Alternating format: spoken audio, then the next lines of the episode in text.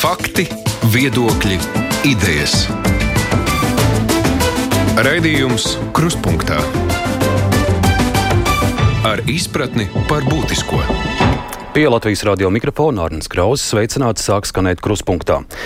Šodien runāsim par galvaspilsētas transporta un satiksmes jautājumiem. Pēdējā mēneša laikā īpaši liela uzmanība pievērsta Rīgas ielās ieruptajiem stabiņiem, taču ir arī citas un krietni svarīgākas lietas, kas saistībā ar satiksmes un transporta organizēšanu Rīgā ir apspriežamas. Nu pat izskanējušas ziņas par 300 miljoniem, kas paredzēti sabiedriskā transporta modernizācijai, tāpat ir plāni par Rīgas centra atslogošanu no autotransporta, un Rīgā turpinās arī lieli ielu remonta darbi. Vienīgi vēl eh, šorīt paskatījos uz Brāzas tiltu, tur diemžēl nekas neturpinās un nav pat sācies. Bet par visām aktualitātēm mūsu sarunu šodien esam aicinājuši Rīgas domas satiksmes un transporta lietu komitejas priekšsēdētāju. Olafu Pulku, sveiks! Sveicināti! Vēpērēšu direktoru un pilsētu plānotāju Viesturu Celmeņu. Labdien! Sveiki! Un mums arī sarunas gaitā pievienosies žurnālists Pauls Timrots un tālvalds vectrāns no satiksmes ministrijas autoceļu infrastruktūras departamenta. Olaf, nu, mums jārunā uz to, jo mēs esam daudz gadus televīzijā un panorāmā strādājuši. Bet tas jā. man netraucē te uzdot arī, protams, protams. kritiskus jautājumus. Uh, pat par kritiku runājot, tu pats daudz gadu garumā esi kritizējis bijušo vāru un Nilu Ušakovu nesaudzīgi kritizējis arī tieši par šīs dienas mūsu sarunas tematu - transporta organizēšanu un satiksmi paškritiski pašam paraugoties. Tagad tūlīt būs gads, kopš jūs esat pie varas ko ir izdevies panākt, un tad, ko ir izdevies parādīt, ko jūs varat labāk nekā Ušakovs? Nu, es domāju, ka mēs esam parādījuši to virzienu, uz ko mēs, mēs ejam šajos, eh, nu, mums pieci gadi gan arī sanāk šim sasaukumam, un tas ir, ko tu jau nosauc, tiešām eh, šie apveceļu izveide, lai varētu kravas transportu novirzīt prom no pilsētas centra. To mums uzliek arī Latvijas valdības un arī Eiropas Savienības noteikumi par zemās emisijas zonu, eh, kas faktiski būtu jāsāk ar pilsētas centru, un arī tas, ka pilsētas centru atstāja cilvēki, 30% ir, ir aizgājuši prom no, no centra, tas arī mums spies spie, mums spiež rīkoties. Un uh, arī dzen, to, ka mēs vēlamies um, radīt drošu sajūtu cilvēkiem, kas atrodas Rīgā. Un droši sajūta jāsāk ar pašiem neaizsargātākajiem, un tie gājēji vispirms, pēc tam ir velobraucēji. Un, un tad, ir, tad ir transports, tikai automašīnas. Un šajā visā sistēmā mēs arī ļoti lielu prioritāti redzam Rīgas sabiedriskajam transportam, kas nav tikai Rīgas satiksme. Tas ir arī, arī pasažieru vilciens, kur mēs ar cerībām skatāmies uz 2023. gadu, kur cerams un gaidām, ka būs tie jauni elektrovilcieni, kas jau ilgi tiek gaidīti, un tad visu šo saslēdzot tādā vienā kopīgā sistēmā ar mobilitātes punktiem, kas, kas mums ir paredzēti. Ko nozīmē mobilitātes punkts? Tas nozīmē, ka cilvēks, piemēram, braucot ar vilcienu, izkāp Zemitānas stacijā, pa eskalātoru uzbrauc augšā uz tiltu, iekāp, teiksim, sabiedriskā transportā, brauc tālāk. Tie varētu būt arī punkti, kur atrodas, teiksim, divriteņi vai elektroskrējriteņi vai arī kāda elektromašīna, kur, kur cilvēki, teiksim, lai, viņu, nu, lai viņam nevajadzētu vairs, mēs, mēs vēršamies uz to, lai cilvēks, kurš iebrauc un apmēram apmēram 150 tūkstoši iebrauc mums ar automašīnām iekšā katru dienu strādāt Rīgā, kas, protams, mums ir vajadzīgi, jo viņi rada mūsu koproduktu arī, bet lai viņi to varētu darīt pēc iespējas, braukt ar sabiedrisko transportu. Tas bet nenozīmē, tas nenozīmē, vien, vien piezīme, tas nenozīmē, ka kādam varētu būt aizliegts braukt ar mašīnu, bet es domāju, ka viņam tas būs lēnāk. Vienkārši mēs to sistēmu tādu radām, ka viņam būs ātrāk ar vienoto biļeti, ar vienu pieskārienu telefonā nopirkt teiksim, savu, savu braucienu līdz vajadzīgam galamērķim mērķim. Bet nu, tāda reāla praktiska darba lietas, kuras gada laikā jums izdevies paveikt. Austrumu maģistrāli šobrīd uh, uzsākt. Lielas paldies uh, Latvijas valdībai par to, ka iedeva līdzekļus.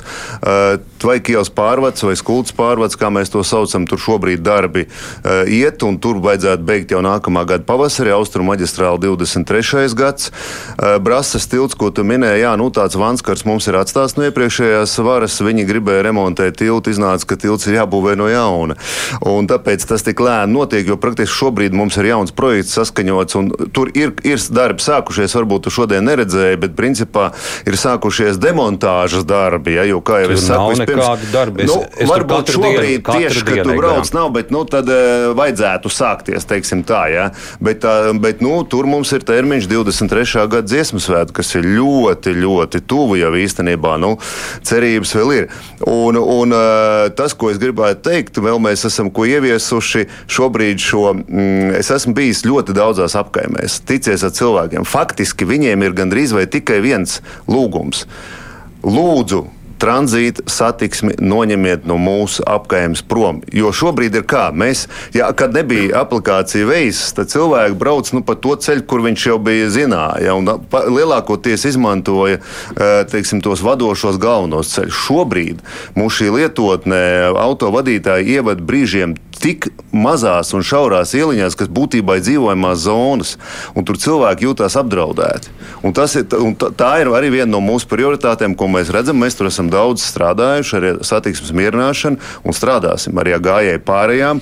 Tas, tas ir viss, viss nu, kur mēs esam uzsākuši. Klausītāja Rasa mums raksta, ka viņa 11. ir braukusi pāri Brāzas tiltu un esot redzējusi, ka darbojas demontāžas Nu, redzat, es jau Bet taču arī tā kā klausītāji zināju to, ka tur kāds strādā, jā. Pabeidzot par šo gadu pie varas, eh, paškritiski lūkojoties, arī kļūdas ir bijušas. Ne, nu, nekļūdās tas, kurš neko nedara.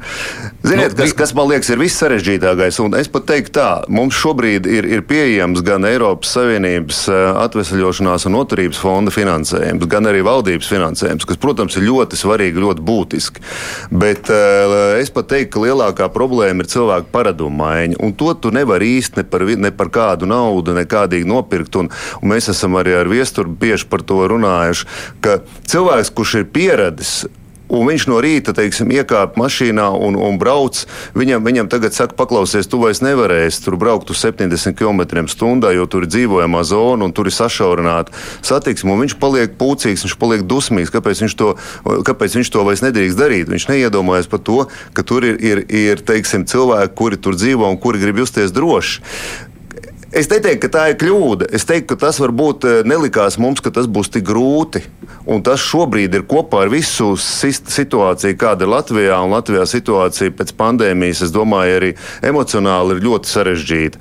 Un skaidrs, ka katrs tāds eh, jauninājums, kurš, vi, kurš cilvēku izsit no tā viņa iera, ierastā komforta zonas, kur viņš ir pieradis, nu, ir, ir viņam, ir viņš jūtās tā, tā brīžiem dusmīgs. To mēs nebijām varbūt gaidījuši, bet, bet nu, principā, nu, otrs, kas ir, es, es varbūt otro reizi vairs eh, nepiekrīstu iet ar uzturēšanās eh, budžetu satiksmes eh, ielu uzturēšanas budžetu 40%. Satiksmes departaments prasīja 40 miljonus, viņiem iedeva nepilns 20. Tagad gan paldies domas deputātiem, mēs arī esam dabūjuši klāt 5 miljonus, par ko mēs esam uzsākuši arī šobrīd šos vērienīgos darbus. Bet vienkārši tas tā ir vēl viena lieta, jo sniegotās, sniegotā ziema, nu, tas prasīja daudz līdzekļus, jā, lai mēs to, to sniegu izvestu. Un Mēs esam gājuši arī tur, kur iepriekšējā vārā negājām. Mēs gājām uz tam apkaimē ielām un arī tur vedām, nu, nevis vadām, bet eh, šķūrējām prom sniegu. Lūk, tāds vērtējums par savu darbu no domas šobrīd valdošās koalīcijas. Es tagad lūkšu neatkarīgi ekspertu pilsētu plānotāju viesturu celmiņu pavērtēt, kā jaunajai Rīgas varai ir veicies ar satiksmes transporta jautājumiem, cik daudz uh, viņi ieklausās ekspertos. Pirmkārt, es domāju, ir jāpērtē, ka gads transportā ir mazs laiks.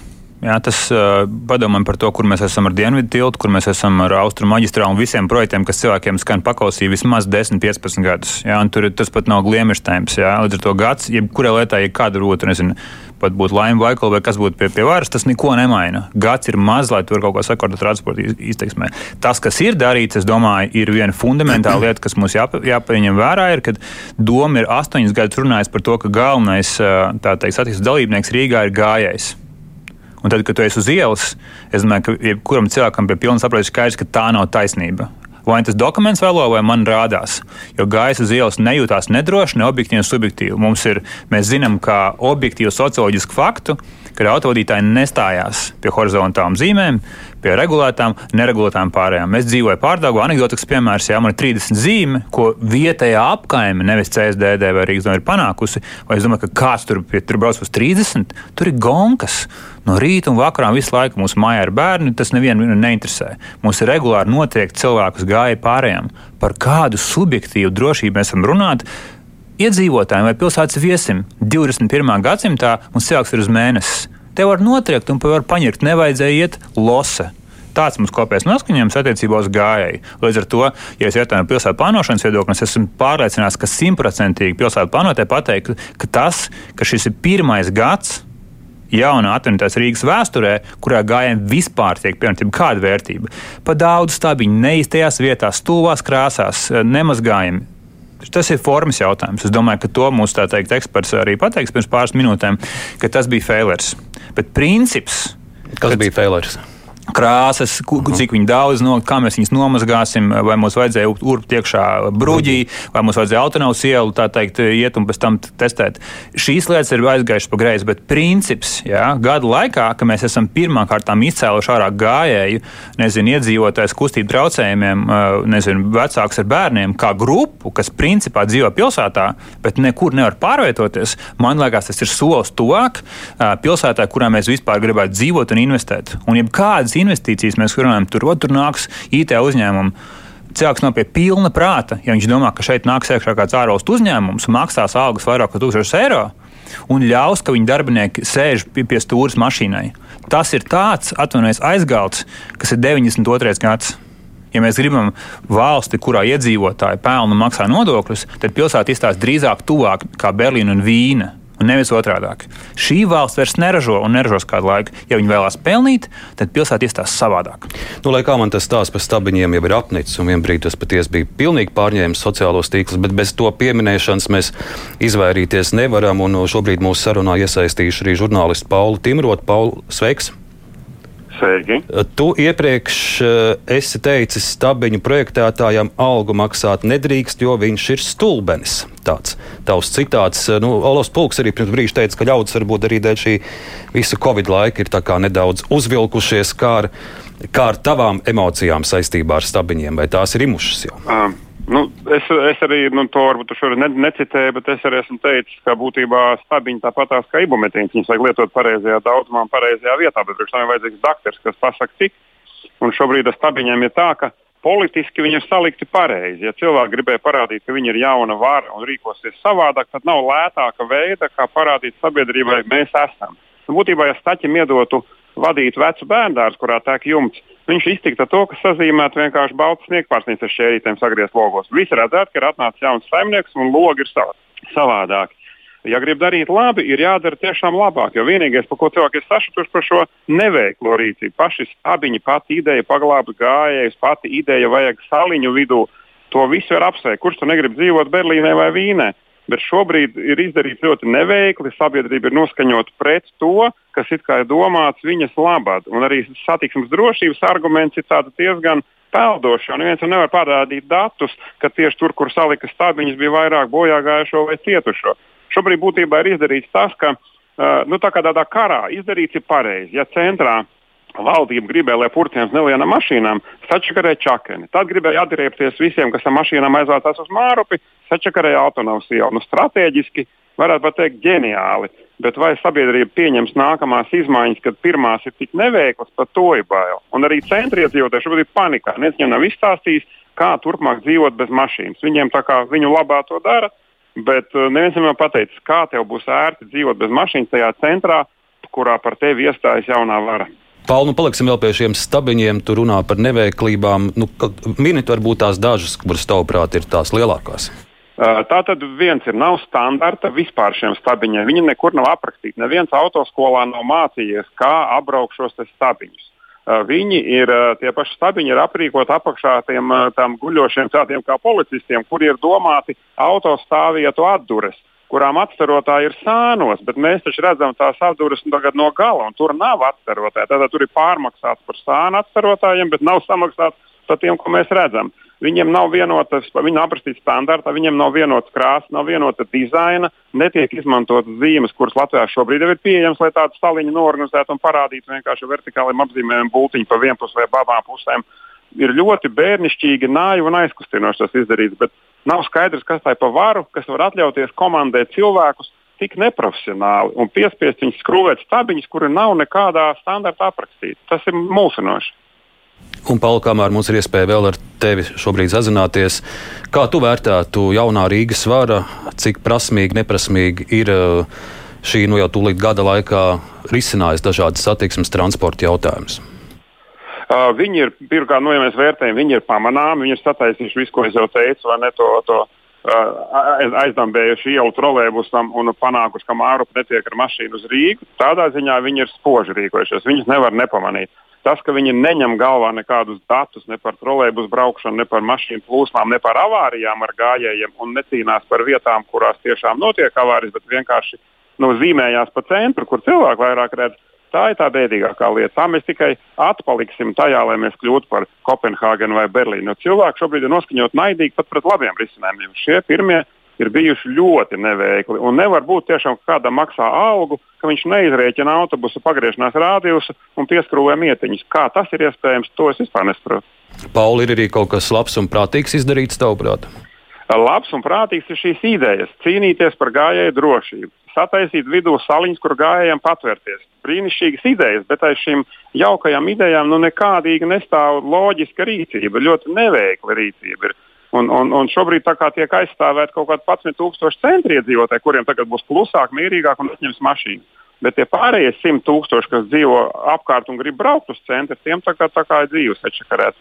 Tas, nu, es nezinu, kas viņam nākamajās vēlēšanās balsos, ja viņi ne, nerūpēsies par bedrēm, purciem pagalmos, bet neļaus purciem braukt uz centru pat ar trolēbus, kas arī tagad jau pusstundu kavē. Ļoti dīvaini. Es ceru, ka šie labie nodomi īstenosies labā rīcībā, bet pagaidām labie nodomi īstenojas ļoti aizkustinoši, bērnišķīgi un neveikli. Un vēl pavisam īsi, tev bija arī gan skarbs viedoklis par to, kā notiek šis eksperiments uz Čakijas. Uh, eksperiments beidzies, tavs secinājums par visu? Secinājums ir ļoti vienkāršs. Mēs pamanām, ka tie paši cilvēki, kas rudenī stāvēja un krita ar putām uz lūpām pa to Čakijas velojoslu, pēkšņi tikko parādījās runa par šiem 300 miljoniem sabiedriskam transportam. Pēkšņi bija tādi sabiedriskā transporta cienītāji un mīlētāji. Viņi pēkšņi zināja, ko darīt, un viņi zinās, kā apgūt tos 300 miljonus. Bet, ja viņi viņus apgūs tāpat kā štabiņus, es domāju, ka tev būs vēl daudz raidījumu par to, kur palika nauda. Bet es ceru, ka ies uz labo pusi, jo nodomi jau viņiem ir labi. Nu, risinājumi ir neveikli. Dejot grib, bet nemāk. Kā aizķerēt? Dejot grib, bet nemāk. Tā, Pauls Timrods, liels paldies par tavu komentāru. Nu, Ola, Eh, tikpat eh, skarbi, kā tu savulaik kritizēji Nilu Šokovu. Tagad tev jādzird par saviem darbiem. Ne, nu, gan jau mēs iemācīsimies dejot, un arī Paulam patiks. Man jau patīk tas, ka Pauls ir liels sabiedriskā transporta atbalstītājs. Un, un es nezinu, no kurienes tas pusstundas kavējums tādu datu man nav. Bet vienīgi par ko gan, nu, es domāju, Pauls ir. Uh, teiksim, eh, autovadītājiem tāds liels, eh, nu, viņi visi ciena daudz un arī skatās viņa raidījumus. Nu, Palnu varbūt par tiem cietušajiem nevajadzētu gaidīt gluži, kad, kad eh, notrieks uz katras gājēja pārējais kādu, un, un tad, tad teiks, liekam šeit stabiņus. Jo gal galā mēs jau arī uh, neaicinām pārba, teiksim, iebāzt pirksts rozetē un pārbaudīt, varbūt, ka nekas arī nenotiks. Jo mums ir dati, dati ir par to, ka cietušie un negadījumi ir mazinājušies uz šiem gājēju pārējiem, un es domāju, ka tas ir ļoti labi. Jo gal galā, nu, man arī pazīstam cilvēki nobrauc uz gājēju pārējais, un, un tas gan nebija Rīgā. Rīgā. Rīgas mēram, ko pieminēja. Uh, Pauls uh, traģēdija bija ģimenē. Tas gan arī nebija Rīgā, bet tāpat tas viss notika uz gājēju pārējām.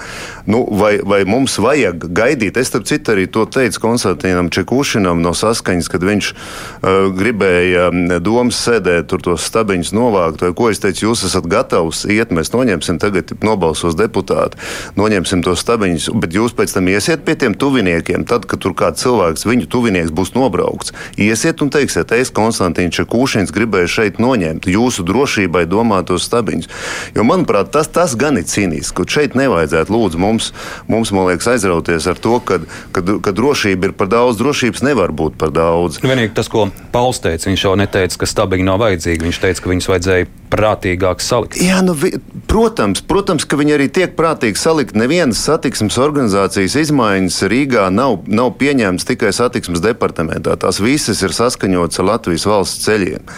Un, uh, Būtībā, būtībā man arī gribētos, lai autožurnālisti vairāk runātu. Un, un, teiksim, es saprotu, ka es tagad izklausīšos varbūt didaktisks un, un neinteresants, bet uh, varētu jau stabiņus nelikt varētu jau uzlikt, uzvilkt tikai horizontālo balto līniju, bet viesturs teica, kas notiek ar to, kas notiek ar šo horizontālo līniju.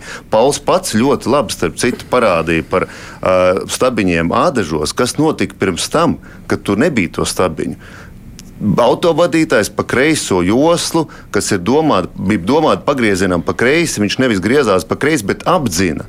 Tātad viņš principā pārkāpj noteikumus. Un, ja mēs pieļaujam, ja mēs sabiedrību iesim uz to, ka principā nu, tas jau nekas nav, nu, man tur nepieķēra, man tur neno, nenobildēja, man nesodīja, es arī nevienu nenotriecu. Nu, varbūt druskuņi aizķēra, nu, kas tad tur notika? Nu, tad nebūs labi. Līdz brīdim, līdz brīdim, kad visiem šiem runātājiem, kādam pašam, es atvainojos par izteicienu, nenotiks tuviniekiem kāda nelaime, un tad teiks, ej, kur tu jūs bijāt? Mēs negribam to pieļaut, mēs gribam, lai būtu nulle lai būtu nulle cietušo uz gājēju pārējām. Vēl arī Viestram Celmeņam vaicāšu tas, ko mēs dzirdējām no Paula. Viņš domā, ka pro, projektējot dažādas izmaiņas Rīgā, netiekot ņemti vērā dati, vai arī jūs tādu tendenci esat vērojusi? Es domāju, ka eh, par datiem eh, šeit būtu nekorekti. Ja, mēs, eh, ja es nemaldos, Pāvils teica par to, vai mēs zinām, ka tagad kopš stabiņu uzstādīšanas tagad ir cilvēki ir gājuši mazāk vai vairāk bojā. Ko nozīmē gads, jā, ar Covid, kur cilvēki sēdējuši mājasēdē. Es domāju, šis ir pilnīgi cits gads nekā 19. 18. gads, numur viens, numur divi. Attiecībā uz gāja drošību, nu, pāri pats Timrotkungs ir svētāks un pāvests šajā gadījumā. Mums ir bijuši 25 gadi gāja drošības uzlabošanai velodrošības uzlabošanai, vai ir kādi labāki varianti, ko, ko mēs varam redzēt? Jā? Tā kā es domāju, doram galdā. Jā? Ja kādam ir kāds gaņģīs tā perfekts risinājums, uh, liekam viņas lietā, uh, ir skaidrs, ka ko izmaksā izveidot man, cietu infrastruktūru uz jebkuru no šīm ielām, tas ir gluži cits izmaksas un gluži cits tēma, kā mēs redzam Brāzijas gadījumā. Numur trīs, es domāju, ka es esmu pirmais un arī citi ir to teikuši, ka komunikācija par šiem jautājumiem ir bijusi zem kāda kritikas līmeņa. Mēs varam runāt savādāk, mēs varam brīdināt cilvēkus, lūk, nebūs stāvvietas, kur izliksiet automašīnas un tā tālāk. Šis ir izpalicis, un ja mēs turpināsim tā rīkoties, mums būs arvien vairāk neapvienot cilvēki, vai tie tranzītā, vai arī vietējie iedzīvotāji. Tā, tam ir jāmainās kategoriski. Tas ir pilnīgi skaidrs, tas bija failers. Arī pats cik es redzu, doma ir atzinusi Fēlers gan urptajos bruģos. Atzīst šo Fēleru. Par komunikāciju, Jā. protams, protams nu, skaidrošana tā vienmēr ir vajadzīga un būs vajadzīga. Kaut gan es saku, ar paradumiem mums ies grūti, bet nu, cerams, ka mainīsimies. Bet man kas ir fundamentāli nepieciešama skaidrība par sakojošo jautājumu. Vai un kādā veidā mēs varam piedāvāt, nu, tiksim, tur, vai kur nāks investors iekšā? Nu, padomāsim, ja pēc kam pilsēta vispārībā ir tā resursu koncentrācija. Mēs nākam iekšā pilsētā kā investors, mēs sakam, mēs būvēsim šeit vai oficiālu centru, ko pārējos. Ko jūs varat piedāvāt kā Rīga, Epratīna, Viļņai vai, vai, vai Tallinai? Ko es varu pierādīt? Vienkārši tranzīta telpas, kur brauc uz 50 un 60. Tās nav konkurētspējīgas pilsētas. Mēs sakām, tranzīts, mēs būvējam un klānamies tranzītu priekšā. Viņš sastāv 4% no koprodukta. Mēs esam pakalpojumu ekonomika. Un tad jautājums, kādā veidā pilsēta atspoguļo faktisko naudas pelnīšanu, kas cilvēkiem maksā algas, dārziņus un, un nezinu, par, par viņu vajadzībām. Ja? Līdz ar to jautājums, vai un kādā veidā šie jaunie procesi atspoguļo konkurētspējīgas pilsētas ekonomiku. Runāsim par skaitļiem. Ja? Paskat, tagad ir viss cepā, cepās par to, vai un kā mums būs stāvvietas. Jums ir ekonomiski aprēķini, cik jums uh, izmaksātu, kad vienkārši mašīna marinējās stāvvietā 8 stundas, vai šajā stāvvietā jums ir, teiksim, velo novietnes vai pārklīts ar kafejnīcu. Viestur pie stāvvietām mēs vēl nonāksim, mēs pabeigsim pa stabiņiem, un es īsi vēlos sarunā iesaistīt arī satiksmes ministrijas autoceļu infrastruktūras departamenta direktoru Tālu Valdu Vecterānu. Labdien! Labdien! Es saprotu, arī jums pašam ir bijusi uh, līdz šim pieredze arī ar Rīgas uh, satiksmes un transporta uh, lietām strādājot. Jūs esat strādājis arī Rīgas domē.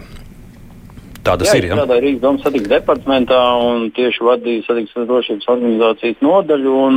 Un, šis ir tas process, kas uh, ir aizkavējies, ko vajadzēja, bet uh, dēļ uh, uh, sabiedrības pašas uh, lielākās nu, teikšanas vajadzības ir aizkavējies. Jā.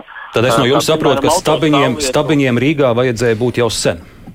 Stabiņi Rīgā bija jau sen, to mēs arī aizsākām. Piemēram, ja jūs zinat, meža ielā pie, pie baznīcas, ja, tur ir tāds aplis, ja, kurā jau 13. gadā tika uzstādīts stabiņi. Personīgi šo projektu sākām un tur arī jau bija.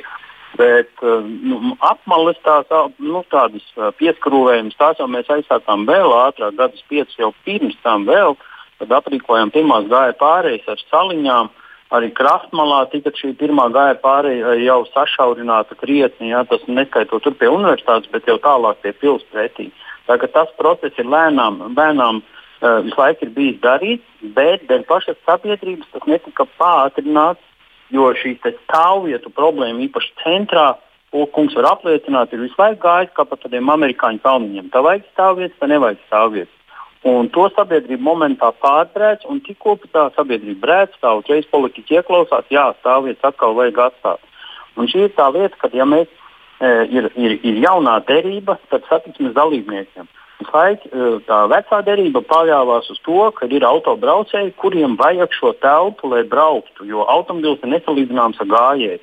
Un šobrīd mums ir nepieciešamība attīstīt trešo, kas ir pa vidu ne gājējs, ne, ne auto tam ir jāatdala šī telpa. Un šī telpas sadalīšana mums kaut ko maksās, tā būs tā jaunā derība starp satiksmes dalībniekiem nākošiem simts gadiem. Tad es saprotu no jums, ka stabiņi Rīgā būs uz palikšanu. Vai tas ir pagaidu risinājums?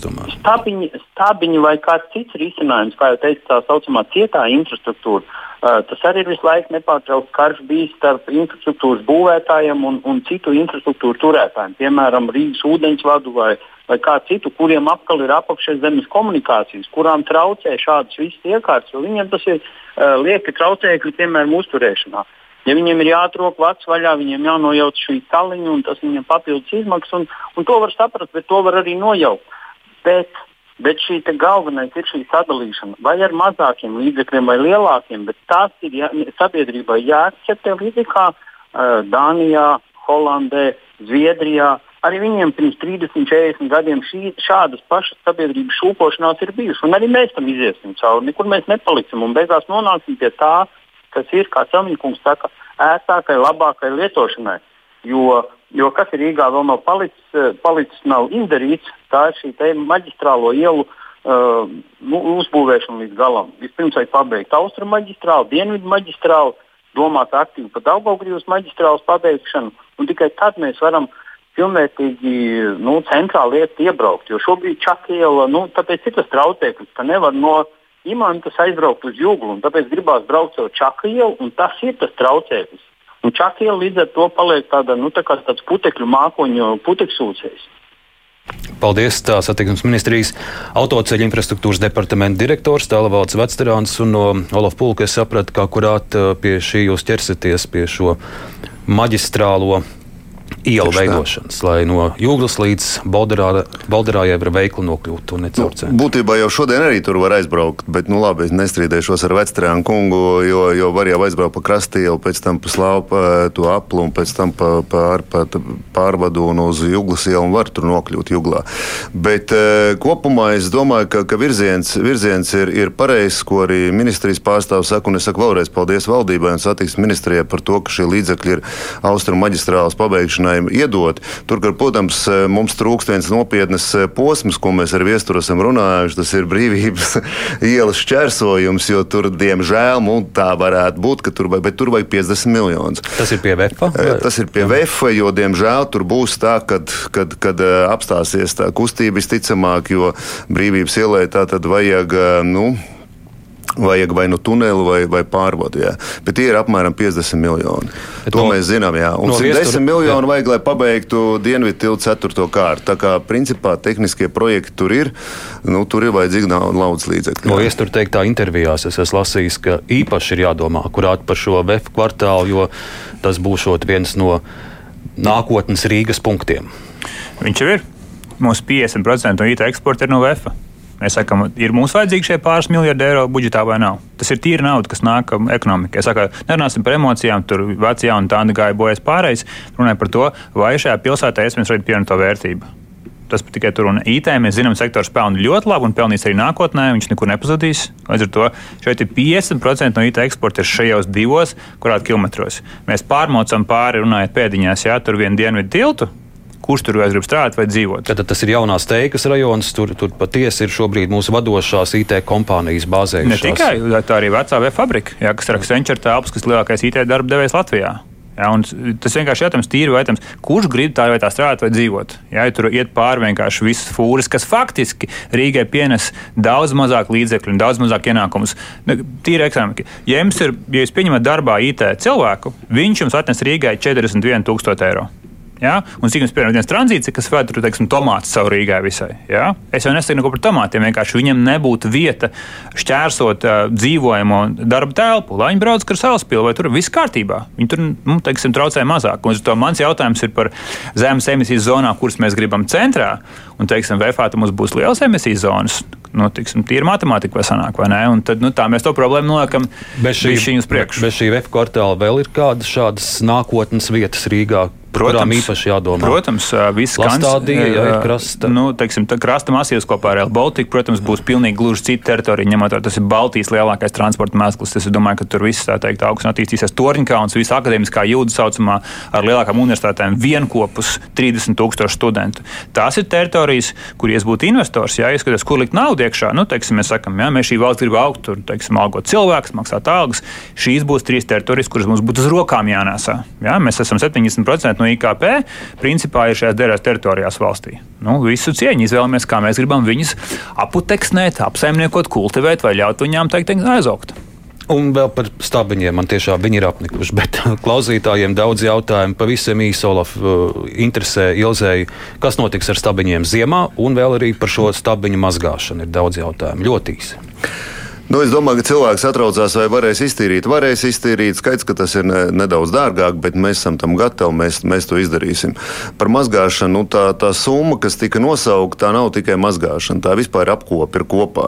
Bet, lai visus nomierinātu, tā kopīgā summa ir 39,000 uz gadu. Tā kā tur ne, nekādi milzīgie miljoni nesaskrieni. Pat ja tur domā, kāds es atceros, tur reizināja un ko tur gribēja darīt. Bet, ja kāds grib kaut ko, teiksim, uh, nu, teiksim ir vēl nākamais ķīnietis, no kur ir pirkuši, kur pie, piedāvā kaut kādus ķīniešu stabiņus no, no, no Eiro 19. Pa Eiro 19. Ne, nu, teiksim, deputāta kungs varētu kāds no saimnes, kur tur ļoti iestājās par to, ka savās mājās kādu varētu nopirkt, bet mēs to nedrīkstam izmantot, jo tie nav certificēti.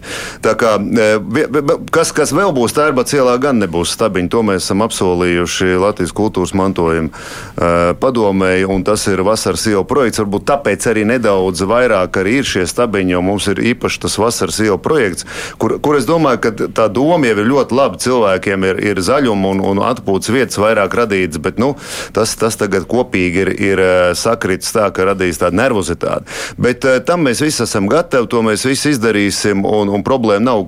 Principā stabiņš ir pagaidu līdzeklis. To, ko Viesturs arī minēja, mums jāpāriet uz to, ka mēs veidojam šīs betonētās saliņas. Bet tam ir vajadzīgs projekts, tam ir, tam ir vajadzīga nauda, tam ir vajadzīgs laiks, kas ir pats svarīgākais. Mums jāglāb cilvēks jau šodien, tāpēc mēs rīkojamies. Par naudu tūlīt arī runāsim, bet pabeidzot par stabiņiem, Anete raksta, es beidzot droši eju Torņkalnā kā gājējs. Man patīk. Stabili. Nu, redz, tā, Anet. Paldies, Bet par naudu, Anet. par lielu naudu, par miljoniem. Nu, pat ir izskanējis, ka 300 miljoni no Eiropas fondiem, kas ir domāti Covid krīzes pārvarēšanai, 300 miljonus varētu novirzīt Rīgas sabiedriskajam transportam, cik šis plāns ir reāls. Nu, tur jāprecizē, tas faktiski ir tā, 150 miljoni ir Rīgai tieši, un 150 miljoni mums ir, te, tas ir no satiksmes ministrijas, kur viņi veido šo pieslēgumu dzelzceļu uz Bolderāju gan, gan izveidojot šo sliežu segumu, remontējot, gan arī iegādājoties baterijas vilcienus un tā tālāk. Tā tas nav viss 150 Labi. miljoni, bet 150 miljonos ir paredzēti uh, bateriju autobusu un ūdeņraža autobusu Rīgas satiksmē, jo 250 autobusi ir tuvākajā laikā jānomaina, jo tur ir vienkārši tie ir vecie dīzeļi un neatbilst vairs tām normām, ko mēs paši ar Latviju esam uzlikuši un arī ko Eiropas Savienība prasa. Tā kā mēs ar to virzamies uz to pusi, tad, protams, ir arī vēl uzlādēšana uzlādes stacijas, kas ir vajadzīgas, kur uzlādēt šos teiksim, bateriju autobusus. Un veloceļu savienojumu ar Pierīgu ir vēl šajā naudā, un septiņi mobilitātes punkti, par ko jau es minēju, uz ko mēs arī skatāmies ar lielām cerībām, lai būtu tā, ka cilvēks, eh, es domāju, ka tā arī būs, ka viņi aizbrauks ātrāk eh, nekā, nekā šobrīd ar mašīnu. Olaf, tad, kad uh, Nils Ušakovs runāja par ūdeņraža autobusiem, tavi kolēģi arī Vilnis Tirs teica, kas tad tie tādi par futuristiskiem plāniem un bija gana kritisks. Tagad jūs arī paši runājat par ūdeņraža transportu? Pirmkārt, tā ūdeņraža stacija ir uzbūvēta. Mēs esam vienojušies ar Rīgas satiksmi, ka mums ir jāiegādājās tik liels šo transporta līdzekļu skaits, un tagad tie būs autobusi, nevis trolēļbus. Lai, lai šī ūdeņraža stacija būtu, nu, nu, teiksim, būtu jēga viņu darbināt un viņa būtu noslogota tā, kā tā ir paredzēts. Mēs arī redzējām, ka Vanderleina, ka bija šeit Eiropas komisijas prezidents, gan arī te vienīgais ārpus tikšanās oficiālajām bija šī ūdeņraža trolēļbus apskata. Es arī pats nezināju, ka mēs tur esam tik tādi pirmrinieki Eiropas komisijā. Man arī vairāk Eiropas komisijas pārstāvji pat no Latvijas ir uzrunājuši, ka vai tiešām jūs negribat to turpināt, un, un Rīgas satiksmē pat varbūt ir ideja par ūdeņraža trolēbus no ķekaus, jo tur mums nav sliežu ceļu, tāpat kā mēs runājam par to metrobusu uz, uz, uz drēliņiem, kas arī ir šajā, teiksim, visā Eiropas Savienības noturības atvesļošanas fondā. Bet tātad par to staciju vairāk bija strīdi par to, ka nauda nauda ir ieguldīta, bet nekas tur nenotiek. Es arī atceros vēl tagad tos kadrus uh, no televīzijas ziņām, ka tur sasniedz sniegs un it kā tur sēta aizslēgta, neko mēs nevaram saprast. Par to, nu, vismaz es par to vairāk kritizēju, varbūt kolēģi arī par kaut ko citu to darīja. Bet nu, šobrīd, šobrīd izmantojam. Jā. Labi, es gribētu interesanti būt dzirdēt arī viestura celmiņu viedokli. Liela nauda būs pieejama visticamāk. Kā to saprātīgi un kam galvenokārt tērēt, jūsuprāt? Jā, nu viens, divi komentāri. Numur viens, neviena pilsēta Eiropā un arī pasaulē, kas grib augt vai sarauties, nav iztikusi bez laba dzīvotspējas sabiedriskā transporta tīkla. To teicu desmitām reižu, un tas ir efektīvākais veids, kā dabūt cilvēkus no A uz punktu B. Problēma ir tā, ka pēdējos desmit gadus mēs redzam, ka katru gadu cilvēku kāp no transporta ārā un pārkāp mašīnās. Līdz ar to nu, sapirkt autobusu un sakārtot nenozīmē, ka cilvēks kāps viņos iekšā. Tas ir fundamentāli atšķirība. Nu, kā veikalā arī dārga Mercedes stāv, nozīmē, ka es viņus pērku. Ja, kādā veidā mēs dabūsim cilvēku galvās pārmaiņas, ka tas ir status ziņā, ērtības ziņā, laika ziņā un finansiāli izdevīgāks veids, tas ir tas, ko es patreiz vispār neredzu. Līdzīgi kā lielos paziņojumos par to, ka mums būs dzelzceļš Rīgas mugurkauls. Tie ir milzīgi vārdi kuras es gori sakot, neredzu vēl no tādas lielas soļus tajā virzienā. Līdz ar to es šajā ziņā Timrotam piekrītu. Mums jāsako līdzi nezinu, neskaitāmām darba grupām, kādā veidā mēs šos teikt, lielos labos mērķus realizēsim dzīvē ar pilotiem vārds eksperiments, kur es saprotu, kā sev diskreditējis. Jā, protams, bet, bet es nezinu, kādā veidā mēs varētu dabūt bezprecedenta ja, mēroga transporta risinājumus bez kaut kādiem pilotiem. Nu, tā taču tur arī nezinu, neremontēja vienlaicīgi visu arī māju. Ne, nu, kur, jūs, kur jūs redzat, kur šos pirmos pilotus varētu taisīt? Es domāju, ka tie var būt Zemitāni, tā var būt arī Alfa vai citas stācijas, kur mēs skatāmies, kur jābūt, kā jābūt, lai tas strādātu kopā. Jo paturam prātā, ka principā pēdējos simts gadus mēs esam bijuši vienā dancītī gājuši. Šis ir jauns virziens tā dekādai un būtiskākais un pēdējais jautājums. Ja Rīga nespēs šiem jautājumiem pieiet pietiekoši nu, teiksim, attapīgi, mums vienkārši paies garām milzīgas in Eiropas investīcijas, kas ir teiksim, sveša nauda, kā risināt savas problēmas. Līdzīgi kā mēs, kuriem sapināmies meistarībā ar ceļu, ar ceļu veidošanu Latvijā. Ot, vienkārši sapināmies un viss, un nav mums tāda ceļa kā Portugālē. Līdz ar to šis ir fundamentāls jautājums, kā eksperti, plānotāji un iedzīvotāji tiek iesaistīti gluži citas transporta infrastruktūras veidošanā Rīgā. Viestur, mums vēl minūte, es gribu dzirdēt jūsu viedokli par plāniem Rīgā veidot īpašu gājēju ielas, un bija arī šis eksperiments, ka nedēļas nogalēs slēdza vienu otru trešo ielu, vai to vajag atkārtot? Um, Pirmkārt, visas ielas ir gājējas ielas savā bāzē. Tas, ka viņas mašīnās viņas iemetinājušās iekšā, ir pa daudz, ir, ir, ir viņa apgriezt realitāte. Tas, ko mēs zinām no ekonomikas, ka pilsētas, kurās ir gājis, viņas vienkārši pelna vairāk, un cilvēki grib, gribēs viņā dzīvot. Tā citur tur nav, tur vairs nav nekāda raķerzinātne atpakaļ. Mums nevajag visas ielas pa gājēju ielām, bet tā ārpus jau ir 15 gadus bijusi, un mēs nepamanītu to, ka viņai būtu mierināts attieksme, piemēram. Tas, ko tagad Eiropa dara, ir gan velospēdas, gan gājēji, gan mašīnas. Tikai lēnāk, nevis uz 50, kā tur tas dusmojās. Jā, bet es ar savu taču nevaru izbraukt cauri 50. Nu, varbūt, ka tev nevajag taču uz 50, varbūt, ka tev vajag 20 lēnā garā. Tas tev mainīs divas minūtes tavā kopējā maršrutā. Mainīs neko. Es, es vien teiktu, ka mēs aizmirsām pateikt, ka mēs modernizēsim arī 5. un 7. maršrutu tramvaju līniju, teiksim, pielāgojot to zemās grīdas tramvajam. Tas arī, lai padarītu ērtāku. Tad tur vairs nebrauks tie ulmaņa laika tramvaji, kas tur joprojām brauc. Nu, ulmaņa laika nav, bet padomu laika. Ulmaņa laika, tie, tie, Cara laika. cara laika varbūt, bet tad tie nebrauks. Jā, jo mēs saņemsim šogad uh, visu zemās grīdas tramvajus, kas ir paredzēti. Un arī daži atvesļošanas fondi arī paredzēti vēl arī no tā. Tā kā, tā kā, tā kā viss kārtībā, bet es, es viesturam piekrītu par to, ka paradumu maiņa mums tiešām jāgatavojas visiem, visai sabiedrībai par to kopumā. Un ja viņš varētu to pateikt pēdējā teikumā, kāpēc Amazon izvēlējās to vietu, kur viņi tagad ir Amerikā, tu vienā lekcijā labi pateici. Jā, jo lielās kompānijas, kurām ir nu, budžeti lielāki nekā mūsu valsts budžets, viņi skatās, vai šajā pilsētā ir talanti, proti, studenti, darbinieki, un vai šajā pilsētā ir labs tīkls sabiedriskā transporta. Jo viņi nevar atļauties, ka viņu darbinieki sēž 40, 60, 80 minūtes korķos. Sabiedriskais transports ir tas, kas atved viņus uz konkrēto vietu pilsētā, Amerikā, kur viņi ir tagad bāzējās. Teikšu, kungi, jums liels paldies par sarunu un veiksmi jūsu darbos, un īpaši veiksmi Rīgas domē brāzas tilta remontā. Mēs brāzas apkārtnē ļoti, ļoti esam nocietušies, ka tur beidzot kaut kas sāksies. Pieskatām visu kopā, jā. Paldies. Rīgas domas satiksmes un transporta lietu komitejas priekšsādātājs Olofs Pulks un Vefreša direktors pilsētu plānotājs Viesturs Celmiņš bija kruspunktā studijā.